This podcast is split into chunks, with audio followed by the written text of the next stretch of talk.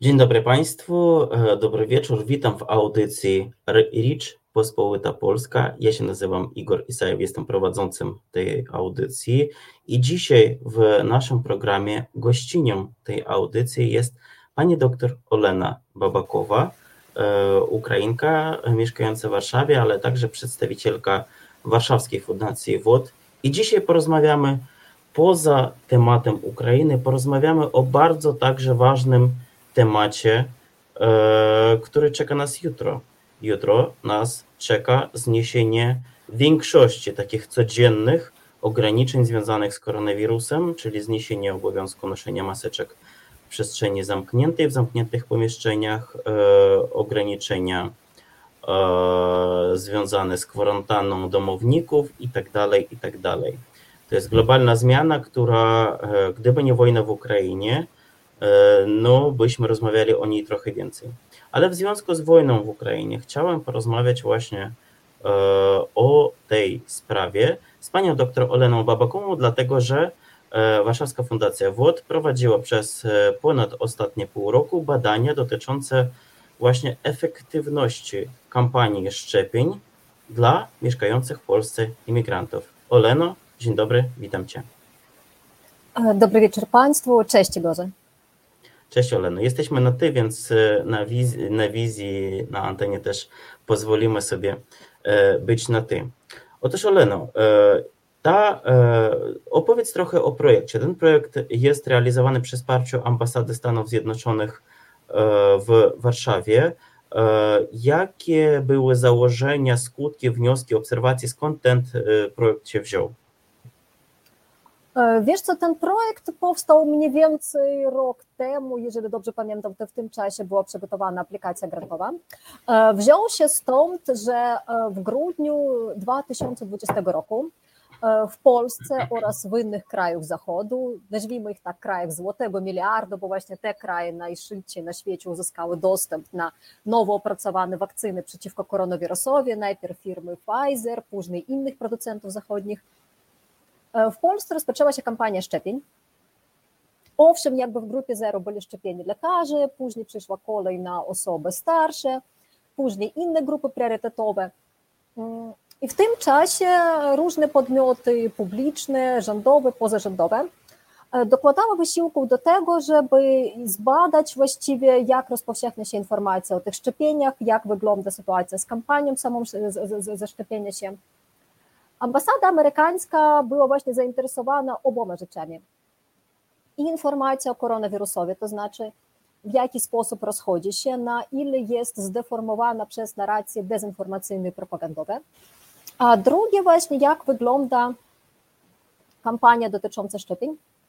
No i e, jak to często jest w projektach, które związane ze wsparciem społeczeństwa obywatelskiego, szczególnie uwaga jest poświęcana grupom e, nazwijmy je tak, nie chcę, nie chcę powiedzieć wykluczonych, bo nie wykluczonych, aczkolwiek no, grupom takim nie mainstreamowych, które z różnych powodów są bardziej, bardziej zagrożonym niż zwykłe. Tak, dokładnie. Które są z różnych powodów albo bardziej wrażliwe na narracje dezinformacyjne, propagandowe, albo mają mniej instytucjonalnych powiązań z państwem, więc później albo wcale dostają informacje związane właśnie z różnymi takimi rzeczami, w tym z ochroną zdrowia publicznego. No i my postanowiliśmy wtedy zbadać, e, jak wygląda, e, jak wygląda sytuacja w sensie kampanii szczepień e, wśród pewnej grupy migrantów zarobkowych w Polsce. I postanowiliśmy, że skupimy się na obywatelach Ukrainy, właśnie obywatele Ukrainy są migrantami numer jeden w Polsce pod względem liczby i wydawanych kart pobytu, wydawanych pozwoleń na pracę, wydawanych oświadczeń, to jest inny format zatrudnienia legalnego cudzoziemca. Też na obywatelach Białorusi, bo właśnie białoruska diaspora w ostatnich dwóch latach w Polsce bardzo wzrosła ze względu na masowe prześladowania społeczeństwa obywatelskiego po protestach w sierpniu 2020 roku. Dziesiątki tysięcy Białorusinów musieli zostawić kraj, wyjechać na Ukrainę, na Litwę i do Polski no i oraz Rosjan, bo wszystkie te trzy grupy, poza tym, że konsumują informacje w mediach społecznościowych w swoich językach narodowych, czyli po ukraińsku, po białorusku i po, po rosyjsku, e, są niestety tradycyjnie wrażliwe na treści propagandy rosyjskiej, która od początku pandemii bardzo się zaktywizowała. Najpierw podważając sam fakt istnienia koronawirusu, później podważając skuteczność państw Zachodu w sensie wprowadzenia różnych ograniczeń przeciwko pandemicznych, no i w końcu właśnie dyskredytując reputację szczepionek jak skutecznego środku walki z, walki z pandemią jak skutecznym środku znaczącej ochrony zdrowia przed zakażeniem się albo przed ciężkim przebiegiem choroby. Więc postanowiliśmy zbadać właściwie jak w Polsce wygląda sytuacja z dostępem migrantów do szczepionki. No bo jeżeli jakby mamy zamiar ocenić, czy ktoś chce się szczepić, czy nie chce szczepić, w ogóle wypada jakby dowiedzieć się, czy ma taką możliwość. I czy ma takie prawo. Dokładnie. To znaczy, no, pod możliwością ma możliwość legalną, czyli jeżeli ta osoba przyjdzie do punktu szczepień, czy zostanie osłużona właśnie na podstawie tych dokumentów, które ma ze sobą. Druga rzecz nas interesowała. Jeżeli ludzie nie chcą się szczepić, co jest tego powodem? To znaczy i właściwie, czy chodzi właśnie o bardziej agresywne postawy antyszczepionkowe, czy chodzi raczej o takie jakby niezdecydowanie, nieprzekonanie, czyli odroczona albo w ogóle jakby no, zawieszony fakt podjęcia decyzji, czyli zwykle taka postawa, że być może bym to zrobiłam, zrobiłem, ale nie teraz, bo. No i nareszcie, co nas interesowało, to właściwie jak państwo polskie podchodziło do informowania owych cudzoziemców. To znaczy, czy były jakieś specjalne akcje, czy były jakieś specjalne kampanie informacyjne wymierzone właśnie w tą grupę docelową? Pytanie wcale nie jest próżne. W momencie, gdy zaczynała się pandemia COVID, jak szacował GUS, w Polsce przebywało nieco ponad 2 miliony cudzoziemców. Badacze migracji uważają, że to była liczba nieco zawyższona i chodziło właśnie, że o przybywających, a nie mieszkających, bo są ludzie, którzy okazały się na terenie kraju w tranzycie, są ci, którzy przyjechali na kilka tygodni, a są ci, dla których Polska to jest ośrodek interesów życiowych. Więc 2 miliony na ośrodek interesów życiowych to było nieco za dużo, ale tym niemniej. Możemy powiedzieć, że półtora miliona na pewno było. I są to ludzie, którzy zwykle pracują w zawodach, to znaczy często pracują w zawodach narażonych właśnie na bardzo intensywne kontakty społeczne. Sprzedaż, transport, komunikacja, sfera Ci, którzy faktycznie ratowali nas w czasie COVID-u, kiedy siedzieliśmy za komputerami. Którzy nas ratowali, czyli tak zwani essential workers, pracownicy niezbędni, dzięki którym gospodarka w ogóle mogła huleć podczas lockdownu, ale jednocześnie ludzie, którzy jeżeli zaczynają chorować, to niestety są narażeni na mocną ekspozycję, no i w ogóle i ze względu na swoją pracę też są narażeni na mocną ekspozycję wirusa. Czy właściwie jakby rząd dostrzegł tych ludzi jako osobną grupę docelową? Walka z pandemią, wśród których jest jakby nie okazaniem się jakiejś troski o przybyszy, tylko okazaniem troski po prostu o zdrowie publiczne całego polskiego społeczeństwa. No, więc I funkcjonowanie trzy... gospodarki też tego społeczeństwa, bo to też jest ważne. Owszem. Więc te, te trzy rzeczy nas interesowały ponieważ jesteśmy jakby małą fundacją właśnie. Czyli jeszcze raz, czy mogę, e, czy mogę tak jeszcze zrobić e, taką kreskę grubą dla tych, którzy Poproszę. do nas dołączają? Czyli e, rzecz dotycząca prawa dostępu do szczepień i związane z tym, jak rozumiem, różne kwestie proceduralne, które w państwie nie były bardzo zrozumiałe. Druga rzecz informacyjna, w sensie informowania państwa do tej grupy docelowej. I trzecia rzecz to jest dezinformacja, właśnie dezinformowanie ze strony szczególnie podmiotów e, zagranicznych na ten temat. E, dokładnie, aczkolwiek z tymi zagranicznymi, wiesz co, tam jest sytuacja specyficzna. No bo owszem, jakby i słusznie zakładamy, że jakby że wiele treści dezinformacyjnych na temat COVID-u i szczepionek pochodziło, to znaczy jak to pięknie się mówi w Polsce, w niektórych krajach były pisane cyrylicą, były pisane w różnych językach, aczkolwiek tak, z inspiracji Kremla. Natomiast, no powiedzmy szczerze, jest całkiem obszerne grono rodzimych antyszczepionkowców na Ukrainie i w Polsce, którzy swoje postawy pielęgnują niezależnie od opłacanej propagandy rosyjskiej. I w tym właśnie mi tak się wydaje, że polegał taki szczególny dramat imigrantów zarobkowych w Polsce w tych, w tych dwóch latach że byli faktycznie pod ostrzałem trzech narracji, takich dezinformacyjnych, trzech narracji antykowidowych, antyszczepionkowych. Po jednej stronie jakby te rosyjskie propagandowe, po drugiej stronie rodzime z ich krajów, bo to znaczy brak nam ciągle jakichś takich bardzo szczególnych badań, ale możemy tak wywnioskować, że imigranci zarobkowi informacyjni w sensie mediów społecznościowych są bardziej związani z krajem pochodzenia niż z Polską. Jeżeli mówimy jakieś takie o przebywaniu w przestrzeni informacyjnej, o konsumowaniu treści, o dyskusji nad treściami. Więc narażenie jakby na swoje rodzime rzeczy. I po trzecie, narażenie jeszcze dodatkowo na polskie. Które właśnie... prawdopodobnie te polskie są odbierane jako takie rzeczy z zachodu, że niby nawet te nasze rodzime antyszczepionkowe rzeczy tutaj na zachodzie ktoś potwierdza, prawda? Wiesz, to tak, coś takiego, że jakby, że zobaczcie, że jakby w krajach zachodu to też nie wygląda aż tak, nie, nie, nie, ta kampania zaszczepienia się nie robi aż takich postępów, więc, a tam są jednak ludzie mądrzy, gospodarka dobrze hula, więc tak, mój ulubiony argument w każdej takiej sprzeczce, tak po prostu takie rzeczy się nie dzieją. Czyli brytyjscy znane, znane, ten, znane źródło informacji wszystkim e, dziennikarzom, że potwierdzają brytyjscy naukowcy, tak? Nie, nie wiadomo którzy i nie wiadomo z jakiej części środowiska naukowego w Brytanii. Wiesz co, mi się wydaje, że właśnie odwoływanie się do pseudonaukowych autorytetów to jest osobna fascynująca rozmowa, która dotyczy nie tylko cudzoziemców, a w ogóle ogólnej percepcji tej pandemii. No bo e, ta propaganda bardzo antyszczepionkowa bardzo szybko zaczęła się ubierać takie pseudonaukowe szaty, że wyszukiwać jakieś tam e, artykuły napisane przez lekarzy, co prawda tam 10 lat temu pozbawionych tytułu albo potępionych przez swoje środowisko, albo odwoływania się do jakichś tam wyników badań, które tak naprawdę zupełnie nie były reprezentacyjne. E, więc e, próba jakby ubrania, to, ubrania tego w jakiś taki, to znaczy przecież sam z siebie dyskurs o szczepionkach zrobił się taki bardzo scientyfikowany że czytaliśmy jakby Pseudo-scientyfikowany. tam, tam kilka takich rzeczy jest, że które, które po prostu mnie, no nie wiem, czy mogę powiedzieć, fascynują, ale że on jest bardzo odwołujący się do nauki po prostu w niezwykłym stopniu, to jest jedno, a drugie odwołujące się jeszcze w dodatku do postaw obywatelskich, czyli to jest moje prawo, moje prawo, moje ciało, moje prawo. Nawet w Ukrainie widziałem taki plakat na jednej z demonstracji antyszczepionkowych czyli plakat wprost z polskiego strajku kobiet, tym samym, że tak powiem, e, składem pisany.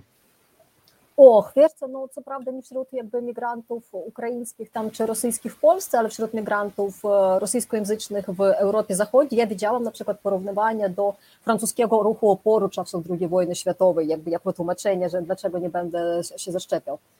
E, widziałam e, porównywanie do jakichś tam nazistowskich eksperymentów i tak dalej, więc naprawdę ludzie jakby mają bardzo bogatą wyobraźnię.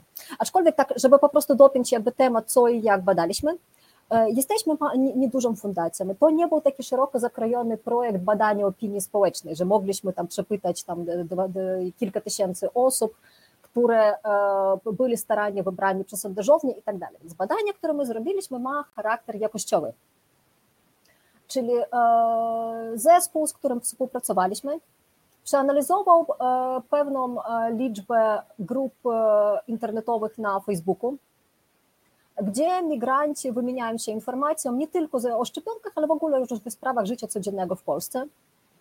Przeanalizował tam kluczowe narracje, czyli właśnie wybrał takie kluczowe tezy, które są wykorzystywane przez migrantów w Polsce w dyskusji o wakcynacji i później jakby i później przeprowadził już kilkanaście wywiadów pogłębionych z ludźmi, którzy demonstrowali różne postawy w nastawieniu do zaszczepienia się, ale byli aktywni w internecie w propagowaniu tych postaw. I w ten sposób już właśnie bardziej badaliśmy, jakby czym ludzie się kierują, jakby e, godzą się na zaszczepienie się, nie godzą się, jakie argumenty powielają, e, jak zresztą rozpowszechniają informacje w swoich sieciach.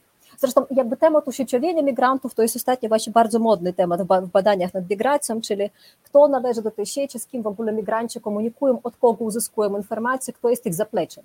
Zwykle się mówi o zapleczem takim finansowym, organizacyjnym, ale przecież zapleczem informacyjnym też. Okej, okay, a um, może, może wróćmy trochę do prawa, bo jeszcze na początku 2021 roku było zapytanie od Rzecznika Praw Obywatelskich, wtedy jeszcze Adama Bodnara, e, do Ministerstwa Zdrowia skierowane dotyczące tego, czy w ogóle imigranci mają prawo do szczepienia. I co z tym było, bo odpowiedź nadeszła po pół roku. Mm, no słuchaj,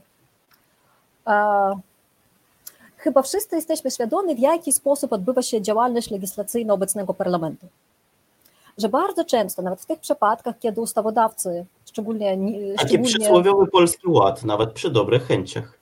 Tak, że nawet kiedy ustawodawcy przyświeca jakiś zaszczytny cel i chęć e, rozwiązania jakiegoś palącego problemu społecznego, właśnie przez to, że prace często odbywają się z dziś na jutro, bez e, potrzebnych konsultacji, jak resortowych, tak i społecznych, to widzimy, że te ustawy później jak wchodzą w życie, mm, no jednak e, jest wiele rzeczy, które warto rzeźbić. E, z szczepieniami dla cudzoziemców było tak, że ustawa covidowa, która weszła na początku 2021 roku, nie, nie pod koniec 20 jeszcze, przepraszam, ona zakładała, i tą informację jakby podawała konsekwentnie strona rządowa gov.pl, no, która była takim głównym informacyjnym hubem w ogóle informacji o wakcynacji, że prawa do zaszczepienia się w Polsce darmowe, jakby, czyli w tej, w tej samej ścieżce co i Polacy, mają ci cudzoziemcy, którzy przebywają w Polsce legalnie. Na stronie rządowej już można było znaleźć takie clarification, takie wytłumaczenie, że chodzi o ludziach, e, e, którzy mają kartę pobytu oraz którzy mają wizy krajowe wydane przez Polskę. Też dlaczegoś były wpisane ludzie z kartą Polaka, chociaż to jest takie nieco e, kuriozum, dlatego że karta Polaka nie jest tytułem pobytowym. To jest dokument. Ale jak, jak ich nie uwzględnić? Przecież w każdej rzeczy musimy zawsze kartę Polaka uwzględnić. E, tak, ale wtedy jakby można było to ująć inaczej niż e, tytuł pobytowy, dlatego że Karta Polaka to jest dokument bardzo ważny, który potwierdza przynależność do narodu polskiego, który e, daje jej właścicielom tam szereg praw w zakresie zatrudnienia w Polsce, studiów w Polsce, przejazdów i tak ale tytułem pobytowym nie jest. No, ale wróćmy jakby do tego formułowania. Legalny pobyt jest tak naprawdę kategorią o wiele szerszą niż karta pobytu czy wiza narodowa. Faktycznie każde przekroczenie niezielonej granicy i jeżeli ty później nie przekroczyłeś tego legalnego terminu pobytu, a podczas COVID-u nierealnie to było przekroczyć, bo pobyt wszystkich cudzoziemców został zalegalizowany do końca pandemii plus 30 dni, czyli ciągle mamy ten stan. Więc legalnym był pobyt w ramach, po, pobyt w ramach ruchu bezwizowego, legalnym był pobyt w ramach pobytu na wizach Schengen wydanych przez inne państwo członkowskie. Czyli takie rzeczy. I teraz jakby dochodzimy do pierwszego punktu, że przez e, niezbyt klarowną legislację i przez e, niezbyt, e, ja bym powiedział, że niezbyt rzetelne wytłumaczenie o co chodzi przez komunikację rządową, wielu nawet chętnych cudzoziemców okazało się w Polsce nieobjęcie tym programem zaszczepień. Bo ludzie, którzy byli na wizach Schengen, czy ludzie, którzy byli w ramach ruchu bezwizowego, przychodzili do punktów prowadzonych przez NFZ i dostawali odmowę, że nie, niestety wasz tytuł pobytowy nie uwzględnia, nie uwzględnia, nie uwzględnia, nie uwzględnia. A... Czyli to, to się kładło trochę takim miodem na serce antyszczepionkowców nawet. No potwierdzało, że to w ogóle nas nie chcą, a jeszcze w dodatku to tam się nałożyło przecież to, że Ukrainie dano tam na pierwszym etapie te najtańsze chińskie wakcyny, a Ukraina nie miała dostępu do Pfizera czy Moderny na przykład, tak? E, a później państwa Zachodu zaczęły się dzielić. To też chyba jakoś wpłynęło na tę narrację. E, wiesz co, wiesz co ta, taka narracja, o której ty wspomniałeś, jeżeli była, to zdecydowanie nie było mainstreamowa. Natomiast to przełożyło się na coś innego. E, to przełożyło się na ogólne zaufanie do polskiego państwa i na ogólne zaufanie do polskiego systemu ochrony zdrowia. Bo wiesz co, jeżeli to znaczy spojrzymy na sytuację przed początkiem e, rosyjskiej inwazji 24 lutego i zobaczymy jakby w jakim kontekście u nas cudzoziemcy, e, migranci istniali w przestrzeni publicznej, to e, łatwo zobaczysz, że informacja, która najchętniej była jakby promowana przez rząd, że w Polsce tam 600-700 tysięcy cudzoziemców opłaca składkę ZUS. No więc domyślamy się, że, tyle, że, że co najmniej tyle samo też opłaca składkę zdrowotną.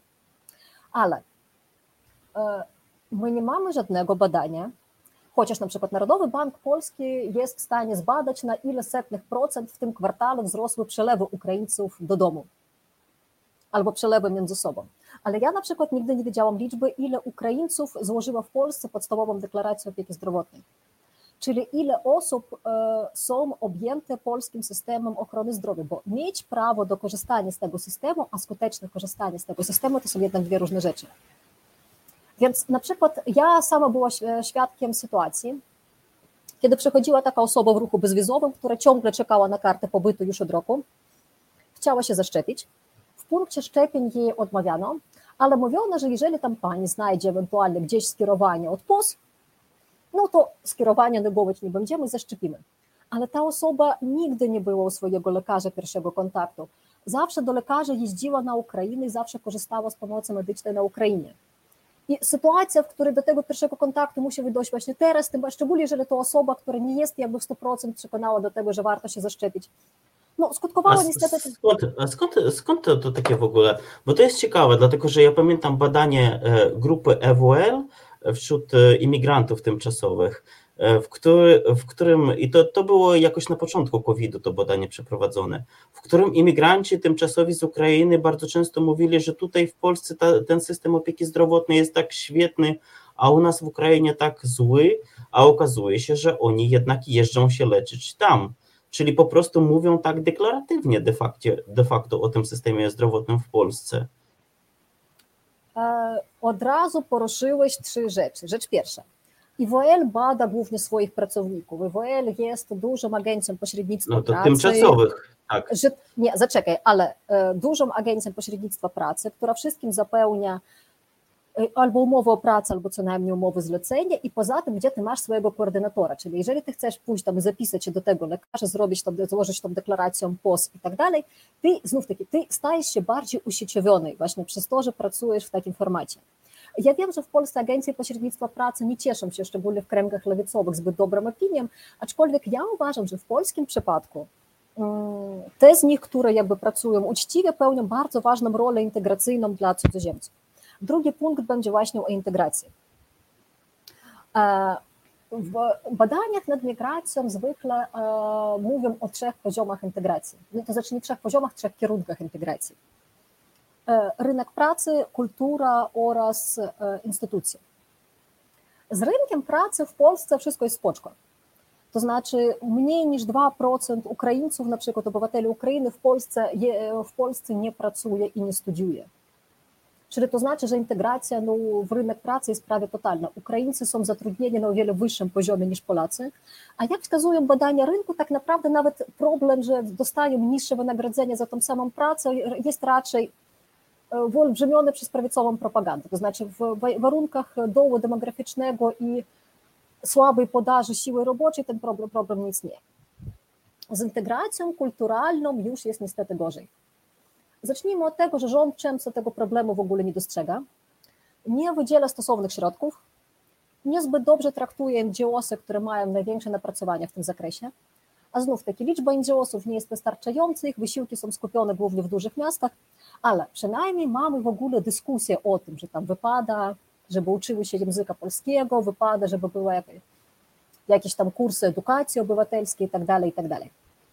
Natomiast najgorzej w Polsce sytuacja wygląda z integracją na poziomie instytucjonalnym. Czyli kiedy migranci zaczynają jakby nie tylko chodzić po tych samych ulicach, kupować produkty w tej samej Biedronce, i chodzić do tego samego kina Helios i nawet nie wtedy, kiedy zakładają konto w polskim banku, tylko kiedy zaczynają korzystać z tych samych instytucji, co Polacy. Czyli system opieki zdrowotnej, system edukacji, tak? System edukacji, system pomocy społecznej. Czyli, czyli właśnie jakby zaczynają te rzeczy, z których człowiek naturalnie korzysta w domu, bo jakby bo wyrósł jakby w warunkach tych instytucji, jakby jest do tych instytucji jakby tak doczepiony przez rodziców, przez rodzinę, kiedy zaczyna z nich korzystać na miejscu.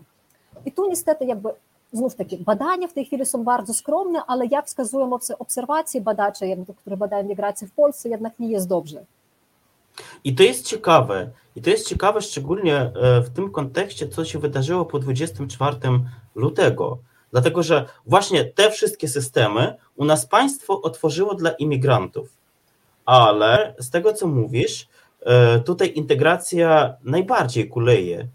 I to no, jakiś dysonans wynika z tego wszystkiego. Czy nie tak, stoimy w obliczu jakiejś katastrofy humanitarnej w ogóle? No, z katastrofą humanitarną ja bym nie przesadzałam, bo jednak teraz widzimy jakby wielki zryw obywatelski. Na przykład ja wiem, że ludzie, którzy przyjeżdżają z chorobami onkologicznymi są zaopiekowani przez polskie NGOsy, przez nieobojętnych Polaków, zresztą przez też nieobojętnych przedstawicieli ukraińskiej diaspory. Ale znowu NGOsy. Diaspor migranckich. Natomiast e, Słuchaj, o tym można rozmawiać w ogóle bez końca, bo jakby polski system ochrony zdrowia nie jest bardzo przyjazny wobec Polaków, więc dlaczego miałby być super przyjazny wobec cudzoziemców? E, to by było paradoksalne nieco. Ale chcę powiedzieć w tej chwili o czymś innym. E, I to jest jakby kolejny point, do czego piję, że poza jakby jakimiś uwarunkowaniami legislacyjnymi, że tam komuś coś pozwolić, nie pozwolić i tak dalej, jest jeszcze bardzo ważne uwarunkowanie informacyjno-komunikacyjne po prostu coś pozwolić, opublikować komunikat o tym na stronie rządowej, czy nawet opublikować kilka komunikatów w językach narodowych i wywiesić e, e, plakaty na mieście w stosownych językach, tego niestety nie wystarczy. Znów taki, migranci są grupą gorzej integrowaną instytucjonalnie niż Polacy. No po prostu są, tak jest w każdym państwie. Przez to, że Polska z tym wątkiem w ogóle nie pracuje, jest gorzej niż jest na przykład Wielkiej Brytanii, czy gorzej niż jest w Niemczech. I sam fakt, że ty gdzieś zamieścisz taki plakat, e, czy zaczniesz pokazywać stosowne komunikaty w narodowych językach w transporcie miejskim, e, to zrobili na przykład samorządy w dużych miastach, nie rząd, samorządy. Fajnie, że to zrobili, ale znów taки tego jest za mało, szczególnie w sytuacji, kiedy migranci są narażeni na dużą falę No, w Warszawie na przykład autobusie ja próbowałem przeczytać komunikat po ukraińsku, w sensie, który leciał na ekranie, I on tak szybko się zmieniał, że ja nie, nie, nie zdążałem jakby to przeczytać też, tak? I to był taki, okej, okay, komunikat naprawdę zobaczy dużo ludzi, ale tam po prostu no, zobaczy z tego trzy słowa, że możesz się zaszczepić, a tutaj dzwonisz na linię NFZ-u i linia NFZ-u mówi, a nie, to musisz zapisać się do, po, po, do POZ, musisz zapisać się, musisz tam e, uzyskać jeszcze skierowanie i tak dalej, i tak dalej. I tutaj no już dysonans jakiś. Ja znam dużo takich historii, kiedy właśnie ludzie rezygnowali właśnie z powodu takiej e, skomplikowanej i, i w ogóle nieogarniętej drogi, bo dlatego, że istnieje i to do dzisiaj, to jest ciekawe, tak, dla tych imigrantów, dla tych uchodźców, którzy teraz przybyli do Polski, e, istnieje de facto dwa systemy, by się zaszczepić, bo ten problem szczepienia nigdzie nie zniknął. E, z jednej strony mo mogą się zgłosić na tę bardzo ciężko ścieżkę NFZ-u, a mogą po prostu z paszportem pójść do miejskiego punktu szczepień. Tylko, że E, to my z Tobą wiemy, że jest taka różnica między tymi punktami szczepień, tak, ale które są z nich bardziej przyjazne, które mniej, ale jakby ja ale widziałem... Wiesz co, ale, ale wiesz co, Igor, z tymi miejskimi było zdecydowanie lepiej, potwierdzam, natomiast niestety nie były panaceum.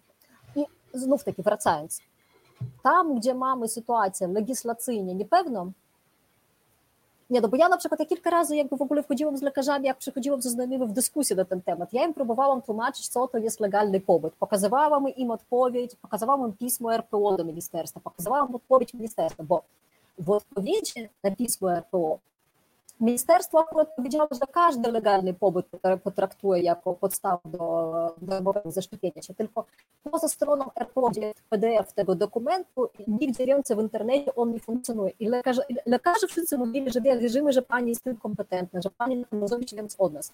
Ale ja potrzebuję na stronie gov.pl mieć napisane czarne na białym, że również ruch bezwizowy, również wiza Schengen, bla, bla, bla, bla, bla, bla. Czyli e, to trochę taki, taki system, jaki przypomina mi się w putinowskiej Rosji sprzed dobrych, dobrych lat, kiedy e, twój e, problem może rozwiązać albo konkretna pani na recepcji w okienku, albo prezydent Putin. Och, no w takie metafory by chyba nie wchodziłam, ale ja by chyba używam by innego porównania, że e, Migranci są e, członkami polskiego społeczeństwa i pod względem jakby roli w gospodarce, pod względem jakby intensywności kontaktów społecznych e, nie różnią się od Polaków. Natomiast znów taki, ze względu na inny charakter sieci komunikacji, inny charakter instytucjonalizacji, włączenie w struktury państwowe, migranci jednak są grupą szczególnej troski, jeżeli chodzi o zdrowie publiczne. I właśnie nad tym tematem wypadałoby się pochylić. Nad pochyleniem się ja mam na myśli nie tylko tłumaczenie pewnych komunikatów, ale właściwie organizacja całościowej kampanii. Tak jak rząd szczególnie pochylił się nad tematem zaszczepienia osób starszych, dla, dla których COVID był najgroźniejszy. To znaczy, tu była jakby bardzo klarowna przesłanka. Dla tych osób COVID jest najgroźniejszy Więc wypada, żeby byli zaszczepieni szybciej i wypada jakby właśnie rozmawiać konkretnie ze starszymi ludźmi i konkretnie podawać argumenty, które są dla tych ludzi przekonujące. U nas nie tak dużo e, pozostało czasu, dlatego że Olena musi nas e, za 7 minut opuścić nas. E, I ja chciałbym, żebyśmy zrobili takie trochę podsumowanie tej rozmowy w takim kierunku, bo w naszej rozmowie przecież nie, nie tylko i nie tyle o COVID chodzi, a w ogóle o to, że zawodzą u nas systemy komunikacyjne, systemy integracyjne. I właśnie na wybranych takich, ale bardzo kluczowych, strategicznych kierunkach. E, co możemy, na co wskazać, tak w punktach, e, możemy rządowi w związku z nową, bardzo dużą grupą, e, znacznie słabiej zintegrowaną z polskim społeczeństwem, z polskim systemem, grupą ludzi, które, których teraz od miesiąca mamy tutaj w Polsce, na co możemy rządowi wskazać, co nam potrzeba, platformy komunikacyjnych, liderów, mediów i tak dalej. Czy możemy tak trochę punktowo się skupić na tym? Wiesz co, mi się wydaje, jakby w pierwszej kolejności potrzebna jest zmiana myślenia, bo kolejna ustawa czy, czy kolejna platforma komunikacyjna to wcale nie jest aż takie skomplikowane, ale zmiana myślenia jest skomplikowana. W tej chwili w Polsce od lat profilowym ministerstwem, które opiekuje się migracją, jest MSWiA. Kawałek też e, ma Ministerstwo Pracy, Rodziny Polityki Społecznej, ale tam chodzi głównie o pozwolenie na pracę, właśnie o rolę migrantów w rynku pracy. Natomiast e, żadne ministerstwo nie jest odpowiedzialne za właśnie te takie szeroko rozumiane integracyjne rzeczy w sensie kulturalnym, w sensie instytucjonalnym. Więc ja widzę dwa rozwiązania, że albo jednak tworzymy Ministerstwo Imigracji, Immigration Office, tak jak zresztą jest to w wielu krajach, gdzie jest spora, gdzie jest spora populacja cudzoziemska, albo tworzymy departamenty dotyczące migracji cudzoziemców przy każdym innym ministerstwie, bo migrantów i to już teraz mamy w każdej dziedzinie życia w Polsce. Druga rzecz. E, jednak godzimy się, że państwo sobie szybko z takim wyzwaniem nie poradzi. A my w tej chwili mamy w Polsce populację cudzoziemców no, na poziomie gdzieś około 3 milionów. Czyli do ponad miliona migrantów zarobkowych dołączyli się jeszcze uchodźcy z Ukrainy, plus ciągle rośnie populacja cudzoziemców już nie tylko z Ukrainy, Białorusi, Rosji, ale z krajów bardziej dalekich, które przyjeżdżają do Polski, Polski jako pracownicy albo jako studenci. E, więc państwo po prostu musi część tych obowiązków oddać w outsource. Ja to widzę jako naturalnych partnerów w pierwszej kolejności owszem samorząd. Migranci w Polsce to jest historia jakby w pierwszej kolejności o dużych miastach. Oraz również NGOsy, które mają napracowaną ekspertyzę, które mają jednak taki pilot project w zakresie integracji i które dla wielu imigrantów właśnie są tymi opinion leaders, czyli liderami opinii, którym oni ufają i które dla nich są takim wiarygodnym środkiem przekazywania informacji. E, poza tym, no warto, to znaczy ta społeczność imigrancka w Polsce po jednym stronie, pod jednym kątem jakby jest całkiem dobrze zbadana. Ile zarabia, ile wydaje, w jakich branżach pracuje i tak dalej. Ale tak naprawdę bardzo mało wiemy o jakichś innych parametrach. To znaczy czas od czasu gdzieś tam leci badanie opinii, że cudzoziemcy są zadowoleni z życia w Polsce. No okej, okay, zadowoleni, ale co dalej? Więc wypada zapytać imigrantów i zarobkowych, i uchodźców o ich potrzeby. To znaczy nie tylko słuchać od nich jakby bardzo zasłużone podziękowanie na nie za zaniesioną przez Polaków pomoc, ale również zapytać, ok, a co właściwie możemy zrobić inaczej? Mm, jaki sektor waszego życia został nieobjęty? Wiesz, no ponieważ no, takie mamy mało czasu, chcę o tym powiedzieć, że ten trzeci komponent. E, ta słaba integracja, czyli faktycznie rezygnacja państwa ze swoich obowiązków w tej dziedzinie, ona doprowadziła do tego, że właśnie pomiędzy imigrantami jest dużo takich nieformalnych networków, które faktycznie są, odzwierciedlają się poprzez różne grupy w mediach społecznościowych, które jakby już dawno przekształciły się na fora wymiany informacji o legalizacji pobytu, wysłanie dzieci do szkoły itd., tak itd. Tak Czyli tam, gdzie państwo wcześniej prowadziło słabą kampanię, z cudzoziemcami wprost nie rozmawiało, pozostawiając ich samych sobie. No prawdopodobnie też to ogarnął czarny rynek, tak? Bo skoro system, istnieje taki alternatywny system państwowy, albo parapaństwowy, no to też jest, są wszystkie problemy wynikające z czarnego rynku. E, po prostu jest to, to takie. Wiesz co, to nie tyle system parapaństwowy, to raczej jest system jakby e, poza publicznych autorytetów w ważnych dziedzinach życia. O, tak to, tak to określę. Czyli nawet w takich jakby, jakby kwestiach, gdzie wydawałoby się, że państwo ma monopol, czyli interpretacja ustawodawstwa i tak dalej. Przez to, że w Polsce właśnie z tą interpretacją jest słaba, jest niewyszczególniona, często ta interpretacja jest opóźniona, ludzie właśnie zaczynają jakby sami tego, jakby szczególnie interpretatorzy, którzy cieszą się szczególnym sukcesem, jakby zostają liderami opinii.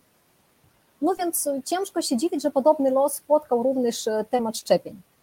I więc konkludując, znów taki, wiemy ile zarabiają, ile, ile, wiemy ile tam przesyłają pieniędzy, wiemy ile procent jest zadowolonych życia w Polsce. Nie wiemy ile cudzoziemców zaszczepiło się w Polsce. Kiedyś była od NFZ statystyka kilkanaście tysięcy Ukraińców, ale to wtedy po prostu policzyli tych, kto zaszczepiał się na paszport bez PESEL-a. Mhm. Natomiast, natomiast no jednak zdecydowana większość migrantów długookresowych PESEL ma. Więc nie wiemy, ile cudzoziemców się zaszczepiło. jako Polaków. Nie wiemy, ile cudzoziemców się zaszczepiło, więc nie wiemy, czy to jest raczej polskie 58%, czy to jest raczej ukraińskie 35%. Jeżeli raczej ukraińskie 35%, w jakich branżach ci ludzie pracują? Czy to przypadkiem nie jest handel, edukacja, usługi? Czyli ograniczenia pandemiczne znikają, a ci ludzie pozostają mocno narażeni na zachorowanie się niestety na transmisję tego wirusa. Teraz, kiedy mamy jeszcze dodatkowo, no, ponad 2 miliony wyjechało, ja sądzę, że jedna trzecia z tych ludzi już wyjechało, ale tym niemniej ponad milion zostanie w kraju.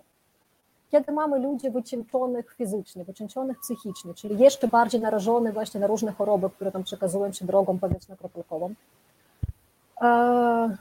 w tym wiele dzieci, w tym wiele, wiele starszych osób. Ten temat naprawdę wymaga pochylenia się i nie takiego za pół roku, a właśnie już, ASAP bo ja by nie chciałam używać jakby określenia kryzys humanitarny, no jednak nie wydaje mi się, żeby sytuacja w tej chwili była taka zła, tym bardziej kalendarz po prostu nam sprzyja. Idzie ciepło, idzie wiosna, idzie okres słoneczny, więc okres, no kiedy te infekcje respiratorne naturalnie po prostu mniej się przenoszą. Ale nad tym, żeby tych ludzi dołączyć do systemu zdrowia, albo zbudować ich zaufanie do szczepionek, albo przywrócić ich zaufanie do szczepionek, bo na Ukrainie z tym jest spory problem. W Rosji też, na Białorusi jest nieco lepiej, ale Ukraina i Rosja, tam niestety sytuacja jest tragiczna. Na tym trzeba zacząć pracować już dziś. I po prostu, no jakby, właśnie przed naszą rozmową jakby otworzyłam Face i tam była reklama targetowana. Po polsku e, Rada Ministrów pisze, że ukraińscy dzieci mają prawo do darmowych szczepionek, tam gruźlica, wirusowe zapalenie wątroby, tam krztusiec i tak dalej. Ale ta informacja jest po polsku, do mnie, do osoby jakoś bardzo dawno tu mieszka. No owszem, jakby komuś ją przekażę w swoich sieciach, ale jaka, jaka jest wartość tej reklamy? No więc no tak, ale widziałem z drugiej strony, jak pisze, piszą strony ministerskie po ukraińsku, to też za głowę się biorę. Okej, okay, ja myślę, że jeszcze o tym e, problemie na antenie będziemy rozmawiać. E, pani Oleno, pani doktor Olena Babakowa była z nami. E, Oleno, bardzo Ci dziękuję za. Pani magistrze, czołem. Pani, pani, pani doktor, tutaj chylę, chylę czoło. E, bardzo dziękuję za tę rozmowę. E, ja za chwilę wrócę. Zachęcam wszystkich komentujących, dlatego że będziemy mieli jeszcze jakieś 15 minut. W tym czasie wykonam e, wiadomości w języku ukraińskim. Posłuchajcie tego śpiewnego języka, ale z drugiej strony ja zachęcam Was do zadawania pytań. Kilka pytań już padło. Spróbuję na nich odpowiedzieć, więc my porozmawiamy, spędzimy jakieś 15 minut w takiej rozmowie czatowo czatowej odpowiedzi na Wasze pytania z czatu. Żywy Igorko, Ukrainiec ja tutaj będzie odpowiadał. Igorko ja, cię tylko, ja, Igorko, ja Ci tylko chciałam przekazać, że w sumie mam jeszcze dwie minuty, więc jeżeli masz jakieś jedno pytanie do mnie, to mogę na niego odpowiedzieć z przyjemnością. Ja myślę, że już podsumowałeś to dobrze. E, ja myślę, że niedługo wrócimy e, do rozmowy właśnie z naszymi E, ludźmi, którzy tutaj na czacie piszą. Mogę Ci jedno pytanie zadać, zresztą z czatu. Koleżanka Dawaj. z pracy z Ukrainy właśnie narzekała na skomplikowanie tych naszych procedur przy szczepieniu dla obcokrajowców. Pisze Chris Dobbs 97. To raczej nie pytanie, tylko taka refleksja była. No ciężko. Jest ciężko. E, wiesz co, e, to znaczy w, w Polsce jest tak, że te wszystkie szczepienia w wieku dziecięcym są darmowe. Natomiast dla osób dorosłych już sytuacja wygląda różnie. Na przykład wirusowe zapalenie wątroby, jeżeli nie byłeś zaszczepiony w dzieciństwie, teraz jak już jesteś dorosły, jakby masz za tą szczepionkę jednak zapłacić. I to jest, to jest 150 chyba rzędu złotych, jakoś tak to kosztuje. Zależy jaka jest wakcyna, tam jest różna, jest kombinowana plus B, jest tam po prostu B i tak dalej, ta, ta, która po prostu B jest tańsza. Natomiast znów taки, chodzi o jakiś, no dla człowieka, który wczoraj przyjechał, skomplikowany wysiłek, E, że ogarnąć, zapłacić, znów taki jakby to znaczy, nie chodzi mi o to, że ktoś to musi rozdawać na ulicy po prostu pod ukraiński paszport, jak leci i tak dalej. Ale chodzi mi o jakieś takie większe przemyślenie tych procedur i znów taki o jakąś przemyślaną strategię komunikacyjną.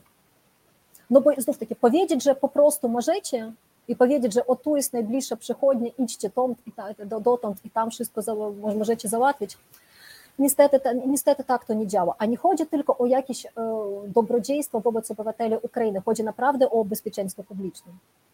Tak, i to w stanowisku Rzecznika Praw Obywatelskich było wprost skazane, że prawo do szczepienia to nie jest prawo obywatelskie wynikające z obywatelstwa, tylko to jest prawo człowieka. Prawo do zdrowia to jest prawo człowieka i obejmuje wszystkich ludzi mieszkających na, te, na terytorium tego przepraszam, kraju. Przepraszam, opowiem ten Michałek jednak już muszę uciekać. Kiedyś chodziłam właśnie do punktu szczepień niemieckiego, NFZ-owskiego z jednym obywatelem Białorusi, który, u którego akurat wiza już się skończyła, a karta pobytu jeszcze nie przyszła.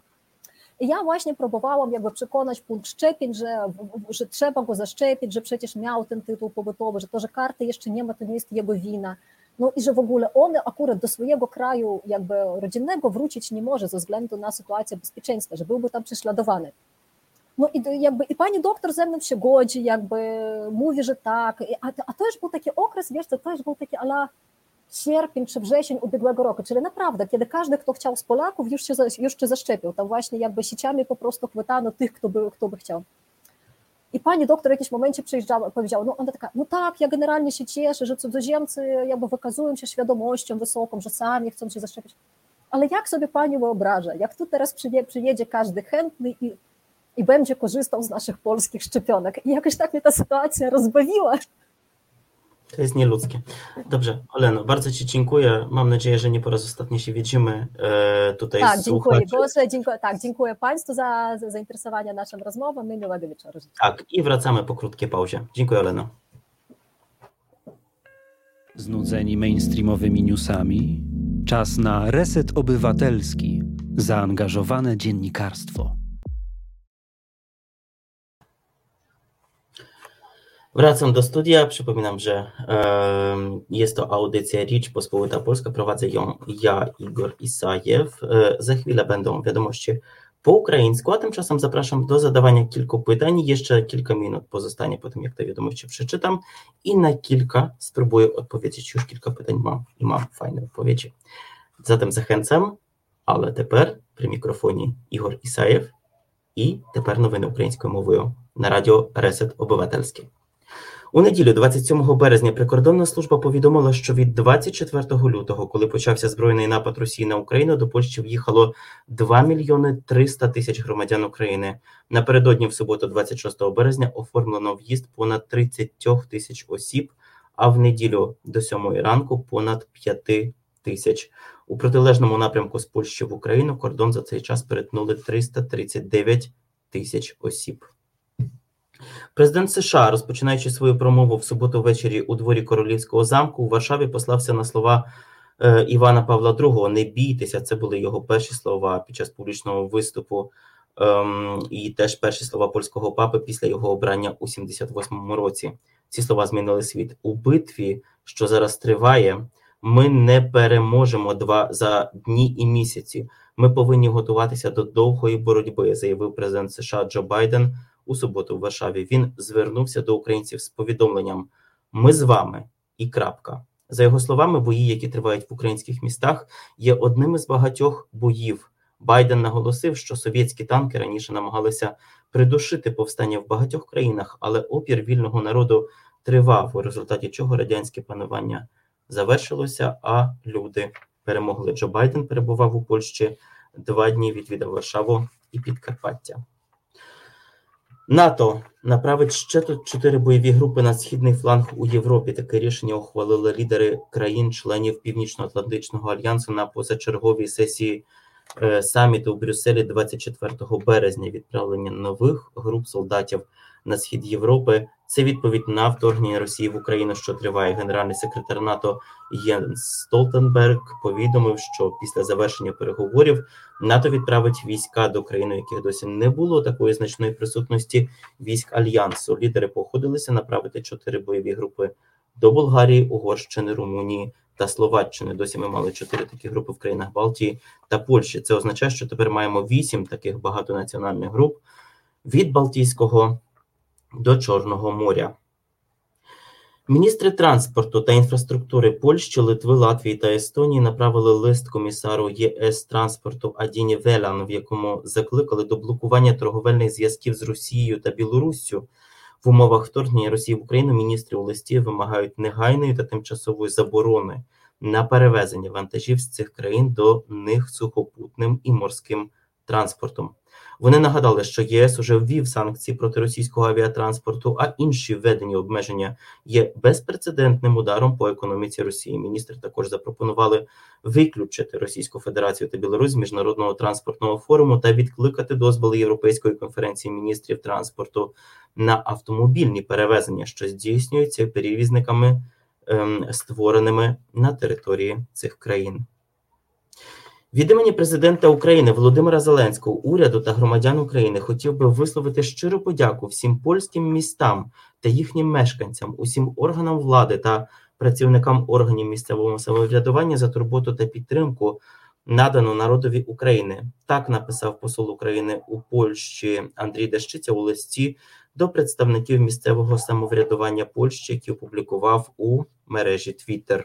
Він зазначив, що в Польщі, мабуть, немає жодного міста чи місцевої влади, яка б не допомогла за останній місяць українцям, які раптом опинилися без даху над головою. Е, ми надзвичайно вдячні за всі листи солідарності та слова підтримки, які надходили на адресу посольства з початку війни з російським загарбником.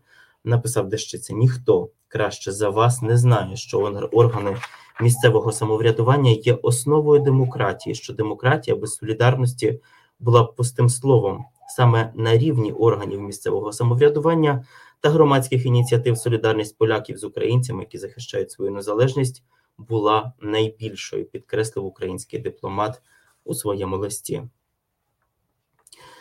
Очільниця Союзу поляків Білорусі Анжеліка Борис вийшла з арешту і тепер перебуває на свободі. Е, діячка залишається на території Білорусі. Першим інформацію про це звільнення Анжелики Борис опублікував портал Нехта. Білоруський режим арештував голову Союзу поляків Білорусі Анжеліку Борис 23 березня 2021 року. Тобто перебувала вона в арешті рік.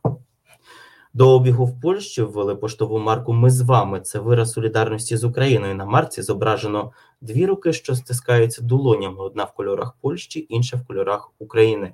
Марку отримають 3 мільйони адресатів. Пошта Польська повідомила, що відправлення гуманітарної допомоги також для України за меж Європейського союзу на митному складі у Холмі відбувається які здійсняться до 20, до 30 червня, не обкладаються у Польщі митними та податковими чи поштовими зборами. За місяць понад 500 тисяч біженців скористалися польським залізничним сполученням. Повідомило Міністерство інфраструктури Польщі. Воно з початку війни співпрацює з німецькими, чеськими та австрійськими залізницями. Чехи позичають локомотиви, німці та австрійці допомагають з логістикою. З початку війни від міст на кордоні з Україною було відправлено понад е, півтори тисячі потягів, понад 330 тисяч людей поїхали ними у всіх напрямках Польщі. а Понад 200 тисяч осіб скористалися можливістю поїхати залізницею до інших країн, зокрема до Чехії та Німеччини. І це були новини українською мовою. Jeszcze na kilka pytań spróbuję odpowiedzieć po polsku. Widzę tutaj takie pytanie. Dziwi mnie brak zainteresowania sprawami polskimi ze strony kilku znajomych Ukrainek. Pozdrawiam. Pisze pani Ola Komornicka. No niestety pani Olu e, i pani Olena i ja jesteśmy Ukraińcami, jesteśmy bardzo zainteresowani sprawami ukraińskimi, więc proszę nie, nie generalizować. E, Adrian Jesiński pisze, tak samo przez cały okres e, bez rządów od 2015 roku, rozumiem, że o takie zainteresowanie właśnie Ukraińców chodzi, Władza obecna nie skupiała się na Białorusi, Ukrainie oraz dążeniach proeuropejskich, prozachodnich w obu krajach, zamiast tego były obrzydliwe i haniebne ataki na Zachód i Unię Europejską. Jednak było, tam była bardzo podwójna i chyba to jest temat na osobną audycję, ale bardzo dziękuję Pani Adrianie za to zapytanie. E, tam była bardzo podwójna polityka, że Ukrainę, która e, walczy z Rosją, my tak wspieramy, przynajmniej na słowach, Ukrainę, która heroizuje Banderę, my potępiamy, też chyba na słowach. E, ale rzeczywiście mało z tego, co wynikało, chociaż teraz e, wizyta Joe Bidena pokazała, że tutaj no, kształtuje się bardzo ciekawa układanka w środku PiSu i PiS już chyba nie będzie taki sam, jak był, jak nam był znany wcześniej z memów czy z stron poważnych gazet, dlatego że tutaj chyba prezydent Andrzej Duda tak długo go wyciągano na taką rolę międzynarodową, to teraz Amerykanie chyba w końcu go wyciągnęli i e, e, na takiego męża stanu, przynajmniej na jakimś odcinku, przynajmniej próbują zrobić. Zobaczymy, co z tego wyniknie. Jeszcze za wcześnie na takie, e, na takie prognozy.